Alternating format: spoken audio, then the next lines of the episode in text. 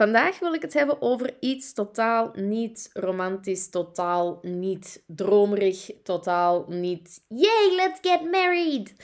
En dat is de politiek van trouwen.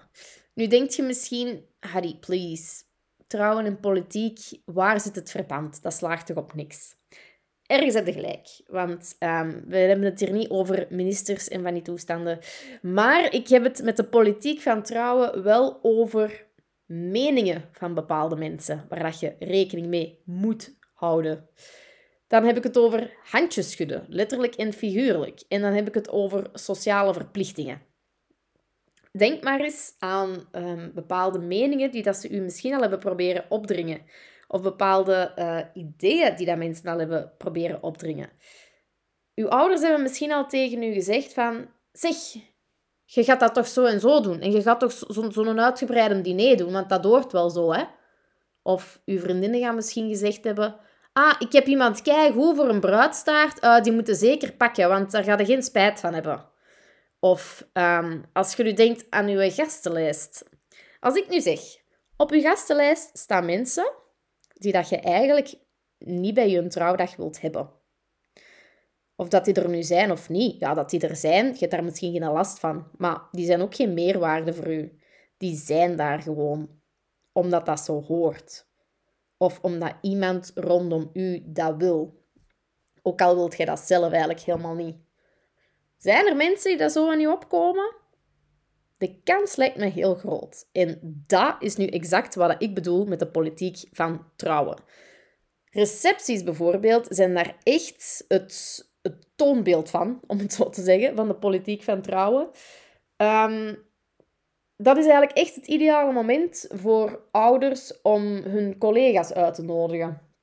Of om heel verre neven en nichten uit te nodigen die dat je eigenlijk nooit ziet, maar waar dat je niet echt onderuit geraakt om te zeggen van ja, bon, ik wil eigenlijk helemaal niet dat je komt. Um, dus hey, we gaan trouwen, maar je krijgt geen uitnodiging. Zo van die zaken. Uh, die komen meestal naar een receptie. Dat is waar dat die heel vaak voor gebruikt worden. Is dat altijd zo? Nee, hè? Um, nu, ik ben hier niet om een opzomming te geven van wat er allemaal uh, political is op, op, uh, op gebied van trouwen. Maar ik wil misschien wel een, ja, een paar dingen zeggen over hoe dat je daarmee kunt omgaan. Want heel veel van de opmerkingen die je krijgt, die komen echt wel van een heel goede plaats. En die zijn met de beste intenties gegeven. Dat is gewoon heel goed bedoeld advies. Of dat is toch wat de gever ervan denkt. Dat is misschien wat dat uw mama denkt als ze zegt dat je moet aankomen met een heel schone ceremoniewagen aan uw kerk en dat met de fiets misschien niet zo handig is, bijvoorbeeld. Maar het is een heel dunne lijn tussen goed bedoeld advies en bemoeizucht. En iets wat ik soms ook wel hoor van koppels, dat is... Goh, zou tante Frida dat wel goed vinden? En tante Frida, dat hoeft uiteraard niet per se een tante te zijn. Dat kan eender wie zijn. Dat kan ook uh, de mama van de bruid zijn die dat het gevoel heeft dat het haar trouwdag is. Die dat vindt dat het de mooiste dag van haar leven moet zijn. Nee, dat is niet zo. Um, dat kan gewoon eender wie zijn dat zijn of haar willetje een beetje probeert door te dringen of zegt, oh, ik zal ik er wel eens mee babbelen, dan zullen ze wel van gedacht veranderen. Als je jezelf daarin herkent, stop ermee, tante Frida. Het is niet uw dag. Uw dag komt nog of is al gepasseerd. I don't care, maar dit is niet uw dag. Oké, merci, tante Frida. Um, nu, hoe kun je daarmee omgaan? Goh, je kunt niet zomaar van alle adviezen, om het zo te zeggen. Ja, natuurlijk dat ik hier zo met mijn vingers zit te doen, dat zien jullie niet. maar bo, um, je kunt die adviezen niet altijd allemaal even gemakkelijk wegstoppen. Hè? Ik, ben, ik ben de eerste om te zeggen, je moet just niks. Maar dat is ook wel heel kort door de bocht. En dat is niet altijd even gemakkelijk natuurlijk. Maar wat is voor mij de gouden regel um, als het over zo'n zaken gaat en hoe dat je daarmee moet omgaan of kunt omgaan? Dat is kill them with love. De dingen die dat jullie vrienden en familie tegen jullie zeggen, die komen van een plaats, of die komen van de meeste mensen toch, komen uit een plaats van liefde. Dus is het ook belangrijk dat als je daarmee omgaat, dat je die liefde voelt en dat je dat ook gaat beantwoorden met liefde. En dat klinkt nu misschien heel raar, maar dat gaat sowieso wel helpen om die gesprekken aan te gaan. Dus als bijvoorbeeld uw mama per se mee wilt naar alle mogelijke afspraken met leveranciers, als je mee wilt gaan samenzitten met je fotograaf, van oh, zij is ooit getrouwd en hun fotograaf deze en hun fotograaf dat, maar je wilt dat eigenlijk helemaal niet, ja, dan is het wel belangrijk dat je dat natuurlijk op een goede manier aanpakt, want je wilt niet dat je achteraf met een vervelend gevoel blijft zitten. En dan zijn er zowel een paar dingen die dat je misschien kunt zeggen. Zoals, kijk lieve mama, ik ga even verder met de mama. Kijk lieve mama, ik begrijp dat het voor onze best wil is dat je dit zegt. Of ik vind het belangrijk dat jij ook gelukkig bent die een dag. Of ik ben dankbaar dat je begaan bent met ons, maar blablabla. En die blablabla is dus eigenlijk gewoon, maar wij zien het anders. Of, maar wij zouden ons er beter bij voelen als deze of dat. En het is eigenlijk door er op die manier mee om te gaan, dat je waarschijnlijk ook wel terug gaat voelen van, oké, oké, ze, ze, ze, nemen mijn advies aan of ze horen mij. Want dat is het eigenlijk gewoon. Hè. Die mensen willen gewoon gehoord worden. Of dat daar nu effectief een of andere fotoboot staat dat je beste vriendin ook heeft gehad en waar ze heel content over was. Of dat je daar nu staat of niet. Dat gaat in principe niet zoveel uitmaken. Hetgeen wat dat uitmaakt, is dat die vriendin van u zich gehoord voelt. En dat komt dus uit een plaats van begrip, van geluk en van dankbaarheid. Of dat is alleszins hoe dat ik het zie.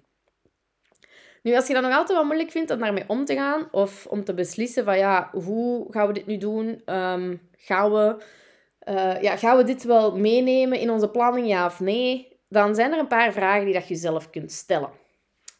De eerste vraag, misschien niet de meest sexy vraag, maar dat is wie betaalt er?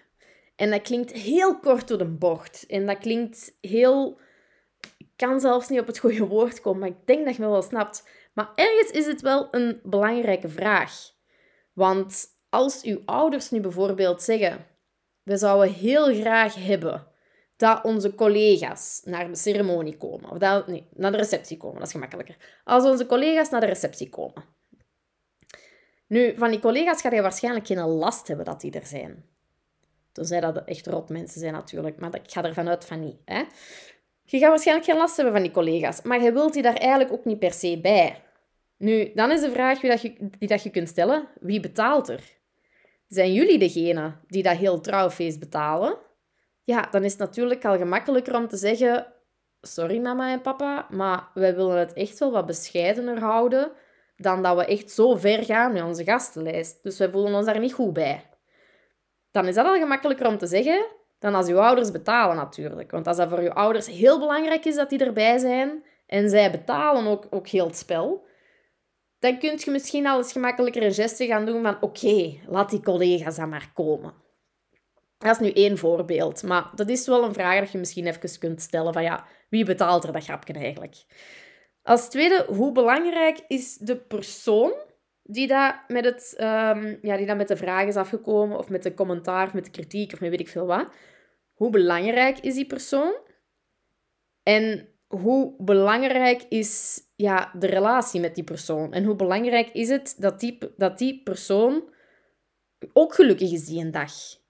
Als uw tante Frida, die dat jij ene keer in het jaar met kerstmis verplicht ziet en dat dan een hele tijd aan het zagen is en aan het vertellen is hoeveel beter dat haar dochter is dan dat jij zijt, bijvoorbeeld. Ehm, ja, als het over die persoon gaat, dan vind je dat misschien niet zo heel belangrijk dat hij heel gelukkig is die een dag. Ook dan is het gemakkelijker om te zeggen, Frida, bol het af, we moeten het allemaal niet horen.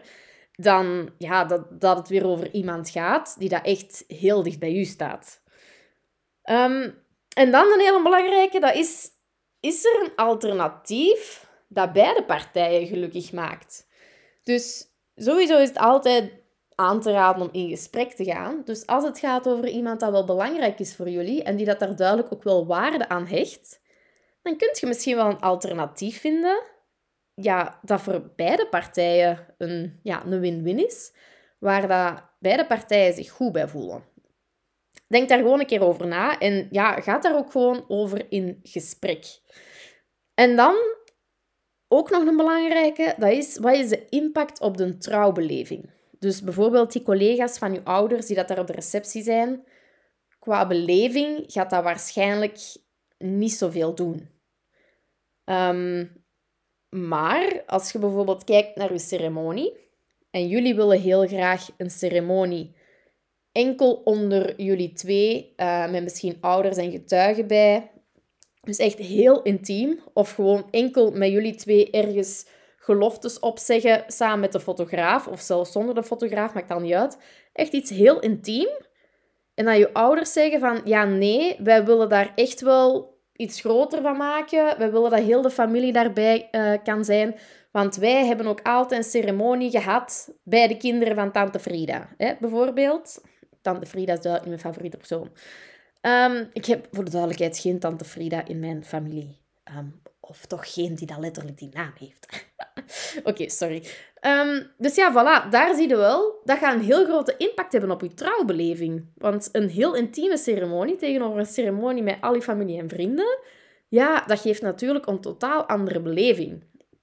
En daar kom ik eigenlijk op de conclusie van dit alles. En dat is één ding dat je altijd moet onthouden. En dat is als er één dag is in heel uw leven dat jij je willeke mocht doordrijven.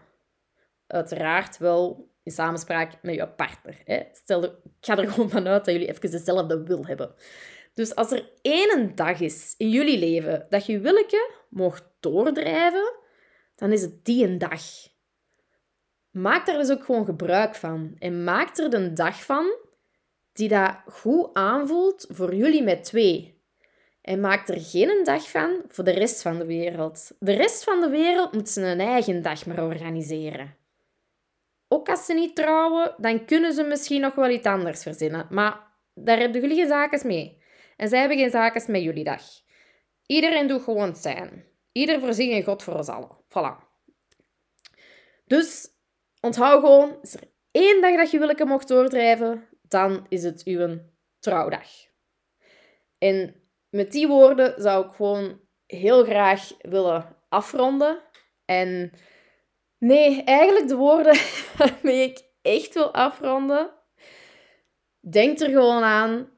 Liefde staat centraal op jullie trouwdag. Maar liefde staat ook centraal bij de relaties die dat jullie hebben met de mensen rondom jullie heen. Dus alles wat er gezegd wordt, komt sowieso ergens uit een plaats van liefde. En zolang dat je daarvan uitgaat, komt je er echt wel uit.